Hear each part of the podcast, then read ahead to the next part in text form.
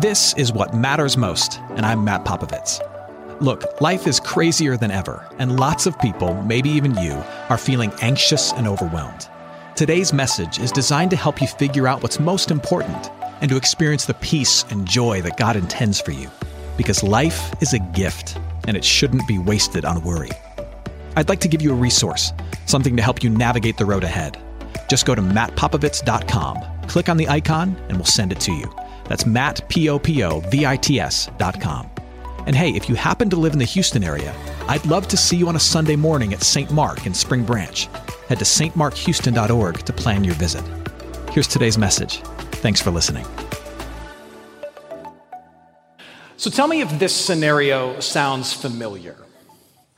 A coworker, a friend, a family member comes up to you and they are angry with you.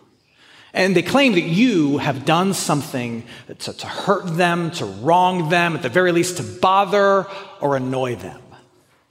But it gets worse. Not only do they say that you have done something to them, but they claim that there is a myriad of other people who feel the exact same way. They're all angry at you too. You've hurt, you've maligned them too.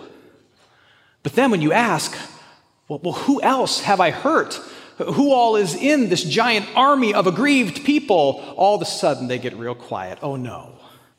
They don't want to come forward, they don't want to say anything, but trust me, I'm not the only one who's upset. There's a lot of us. One of the worst feelings in the world is being accused of something and feeling like you don't have the ability to reconcile it, to deal with it. And certainly that's the case when someone comes up to you and says, You've hurt me. But not only have you hurt me, but you've hurt a whole lot of other people. But I can't give you the names, I can't tell you the faces, I can't tell you anything else. Just know this you're a bad person. it's a terrible feeling to be accused, to know that you're sideways, to know that something's dysfunctional, but feel like you can't fix it. And boy, does that stir up some anxiety in us. Today, we're concluding a teaching series that we've been in for the last month or so, where we've been trying to look really practically at relationships and anxiety and the connection between those two things, and specifically what, what Jesus has to say about how we can, we can have healthier relationships and we can also then manage that anxiety in a really reasonable way. And, and believe it or not, as we've demonstrated throughout this series, Jesus talks a lot about those two things, about relationships and anxiety. And today, what we're talking about is that anxious moment when you, you know that you are at odds with at least one other person, but you feel powerless to fix it and make it right.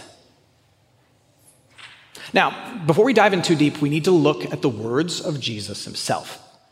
In Matthew chapter 5, Jesus teaches the Sermon on the Mount. And this is the moment in, in Jesus' ministry where he is, he's really stepping forward and saying that he is greater than Moses. Moses was really kind of at the top of the mountain of God's people, and Jesus in the Sermon of the Mount is saying, No, I'm at the top of the mountain. Jesus is saying, I'm the new lawgiver. I'm the new authority on all things God. And so he articulates his understanding of God's kingdom and how the world is supposed to work. And in the Sermon on the Mount, he touches on a number of different things. And, and one of the things he touches on is murder. But what's interesting about Jesus talking about murder is that he very quickly pivots to relationships. He pivots specifically to anger and how the anger that we experience when our relationships get dysfunctional, how it can affect our relationships, and how people of God should respond when they sense that there is anger and hurt and hostility and that their relationship with somebody else is broken. Look at Matthew chapter 5, starting at verse 21. Listen to what Jesus says. Jesus says, You have heard it said to those of old, You shall not murder, and whoever murders will be liable to judgment. But I say to you that everyone who is angry with his brother or sister, you could say, will be liable to judgment. Whoever insults his brother will be liable to the council, and whoever says, You fool, will be liable to the fire of hell. And then Jesus goes on to say that if you discover that, that someone is accusing you of some wrong, you should drop everything everything to go and reconcile it and go fix it. If there is some anger, some strife between you and somebody that, that you should live at peace with, that there should be love in between you and that person, that there should be joy and service and sacrifice between you and that person. But if you discover that there is animosity and tension and dysfunction, that you should drop everything and go and fix it.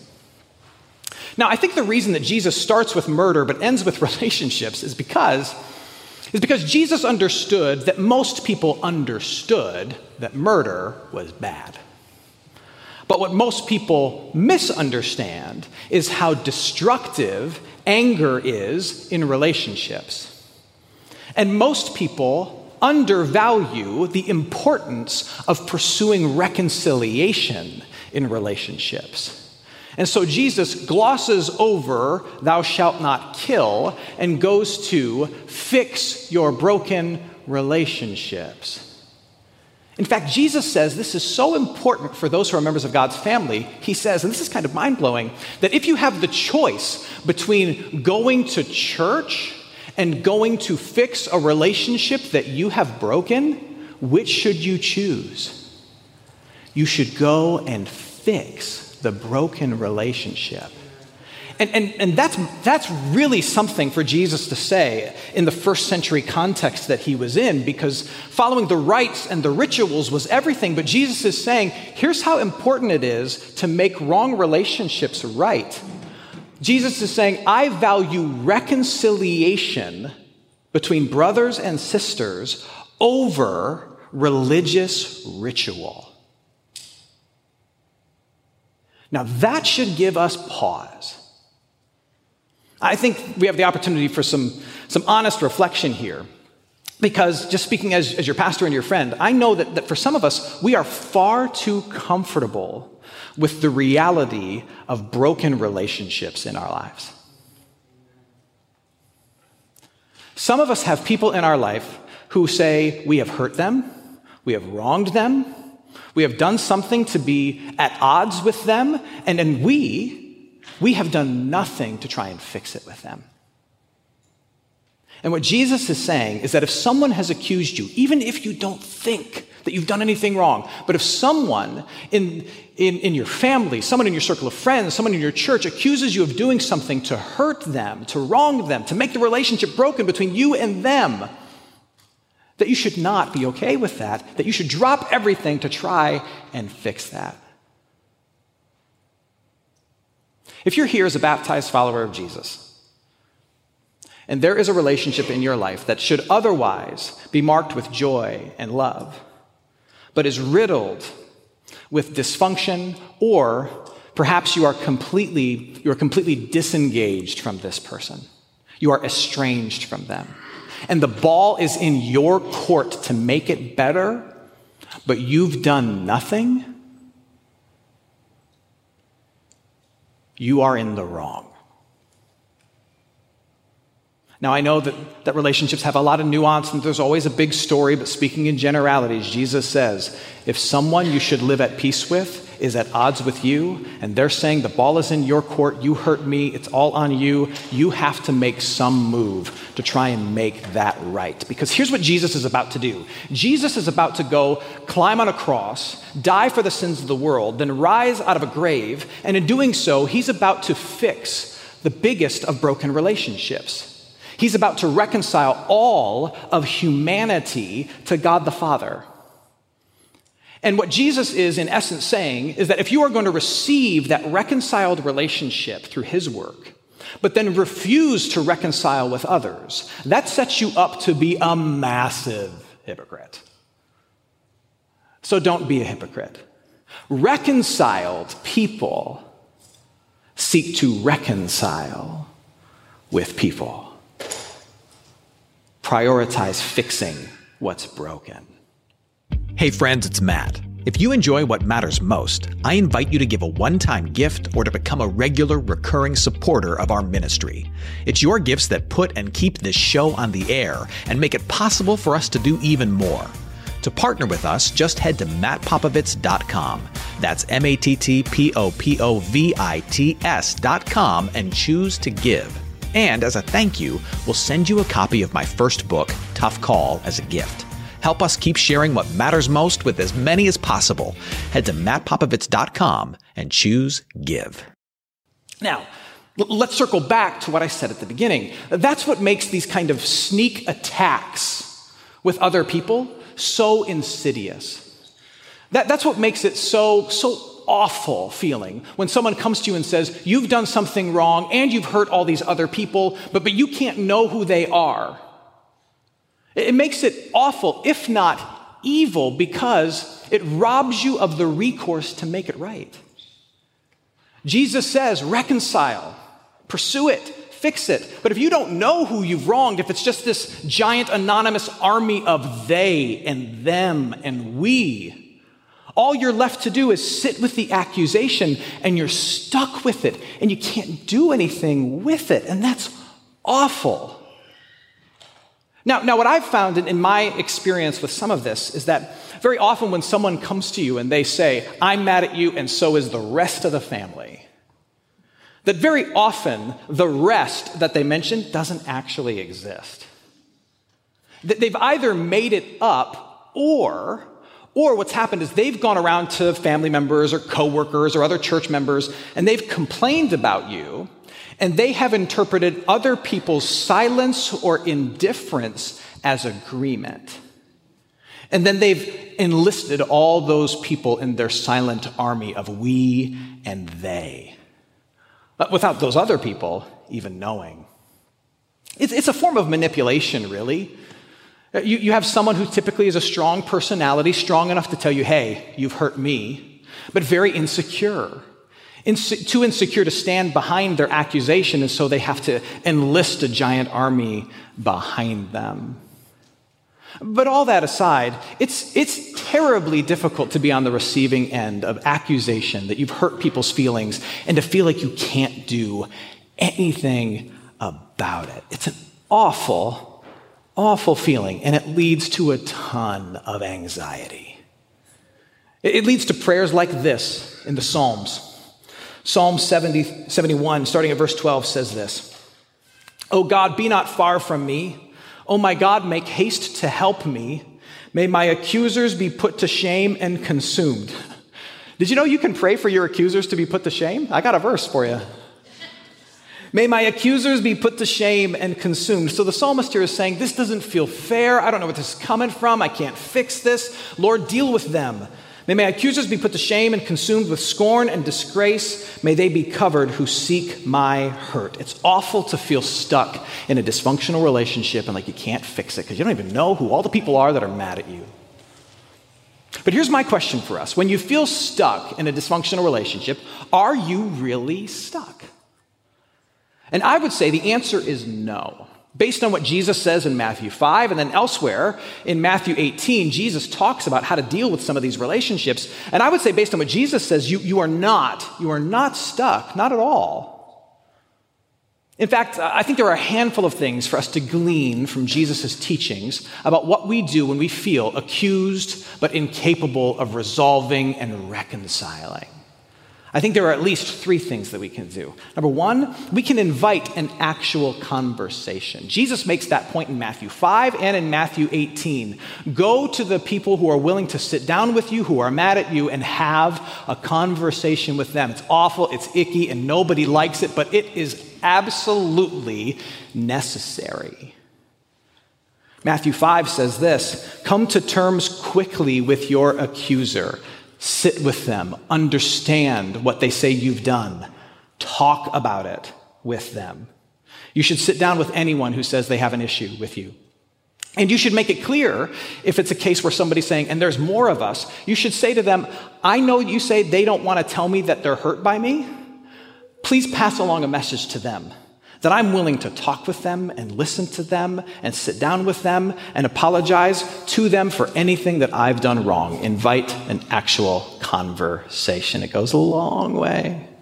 It goes a long way. The second thing I would say, and this is harder to do, but I think it's really important, is I think you are free to refuse owning any anonymous criticism. If, if the critic doesn't have a name or a face, then it doesn't deserve a place in your heart. Again, because you're stuck. If you accept anonymous criticism, I heard that someone out there doesn't like this, this, or this. If you choose to hold on to that, you can hold on to that, but all it can do is corrode you and eat at you because you can't resolve it. You can't go to the person and explain it. You can't give any context to it. You can't apologize for it. All you can do is carry it like dead weight. That's all that you can do.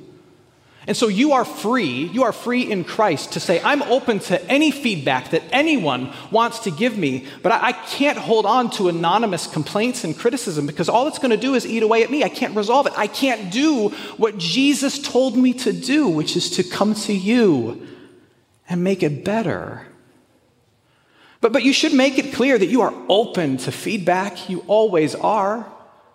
You know, Proverbs says this Proverbs says this in verse chapter 27 Better is open rebuke than hidden love. Faithful are the wounds of a friend, profuse are the kisses of an enemy. Make it clear that you're open to feedback, but you would prefer for people to put a name behind it so you can actually fix it and deal with it. Now, as an aside, and this is especially true for people in leadership positions, sometimes there is a power disparity that makes it difficult for people to come forward and complain or give uh, or lodge really ne- necessary complaints or to say that, that you've hurt them or wronged them. And if that's the case, then you have to go out of your way to say, I'm willing to do anything I can to make it safe for people to step forward and share how I've hurt them or wronged them or what I can do to better serve them. But in general, you are free to say, I can't own anonymous critique because I can't do what Jesus has told me to do with it, which is pursue reconciliation. All it's going to do is eat away at me. And then the last piece that you're free to do is to actually pursue reconciliation with whoever is available to pursue it with. The person who approached you and lodged this complaint in the first place, the people that you know are upset with you or mad at you or have some issue with you, you go to them and you pursue a right relationship. And that's what reconciliation means right relationship. It doesn't mean you have to be best friends and, you know, listen to the new Taylor Swift album forever together. On, uh, you know, like, doesn't mean you have to do that.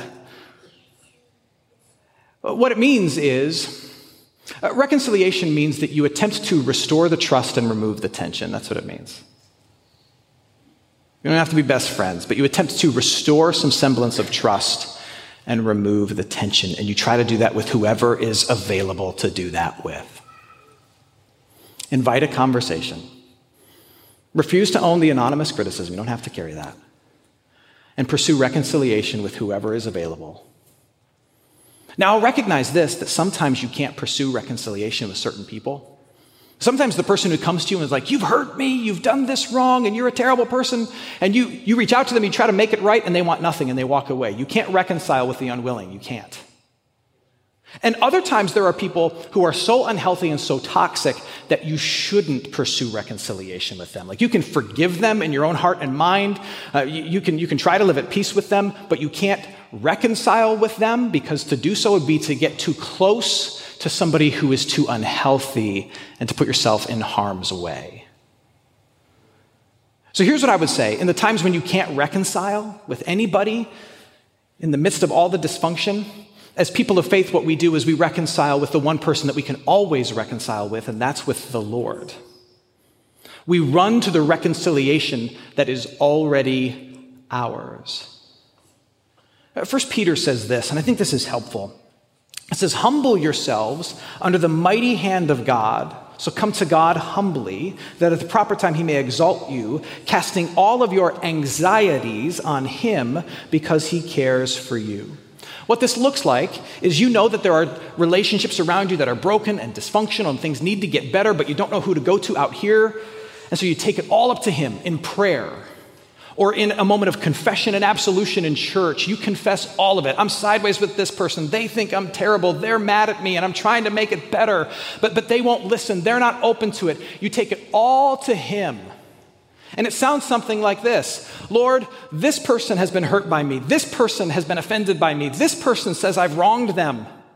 And I'm trying to fix it with them, but, but if it's true that I've hurt them and I've hurt them and I've hurt them, then I know that I have offended also you. And I confess that. I own that. Cover me in the forgiveness that is mine through Jesus Christ. Cover me in the right relationship that, that He has earned for me with you. And then help me, help me, knowing that I'm forgiven and reconciled to you.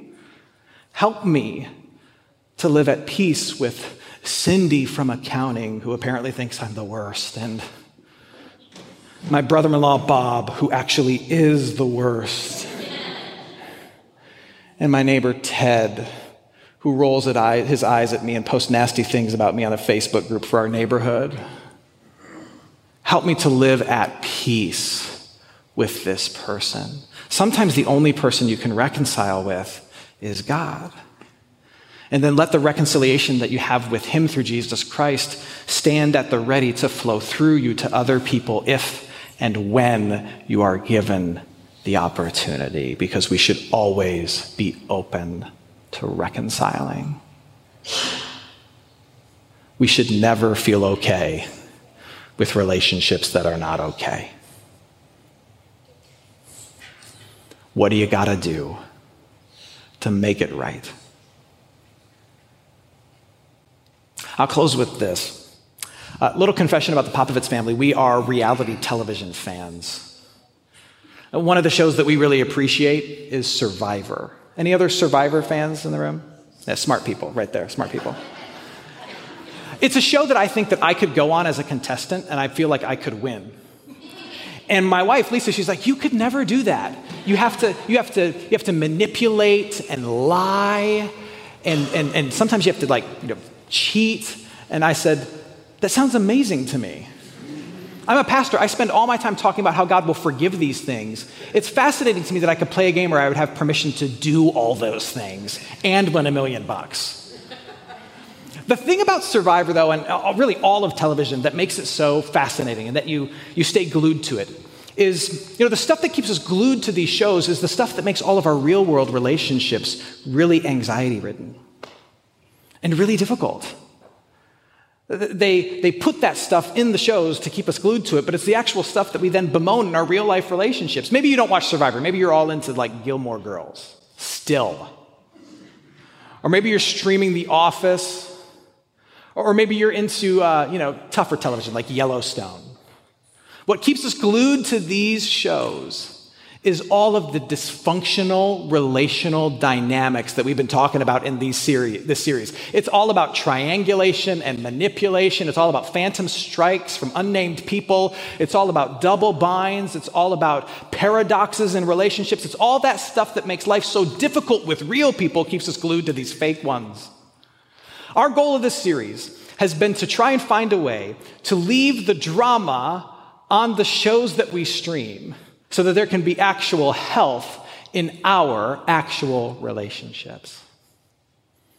So the next time somebody comes to you and says, I'm mad at you, but I'm not alone, there are others, what are you going to do? Or the next time you feel angst, anxiety in a relationship that's, that's otherwise important to you and cherished by you, but you feel stuck, you don't know how to fix it, what are you going to do? Here's what I know you can't do you can't vote them off the island. I've looked into it. Very illegal. Can't do it. Here's my hope, my prayer for you and me as we close out this entire conversation. My open prayer is that you and I would value reconciliation with others just a little bit more, more like how God the Father values it for us. Uh, my hope is that when a relationship is dysfunctional and sideways and you feel kind of stuck, you would remember that you are not stuck, that you would invite a conversation that you would otherwise avoid, that you would refuse to own all the anonymous arrows, but that you would pursue making things right with whoever is willing to work with you to make things right. Even if the only one you can run to and reconcile with is the one who has first reconciled himself to you in Jesus Christ. Hey, it's Matt. I hope you enjoyed what matters most. Here's what I need you to know life is a gift, and it shouldn't be wasted on worry. I want to help you figure out what's most important and to experience the peace and joy that God intends for you. So, for more content, you can head to mattpopovits.com. That's Matt, P O P O V I T S.com. There, you can also support this ministry as well as access your free resource, a little something to help you navigate the road ahead. I'd also love to see you on a Sunday morning. If you're in the Houston area, head to stmarkhouston.org to plan your visit. In the meantime, Hit me up on Instagram at mpopovits or at facebook.com slash Matt Popovits Ministries. Thanks for listening. Now go and hold tight to what matters most.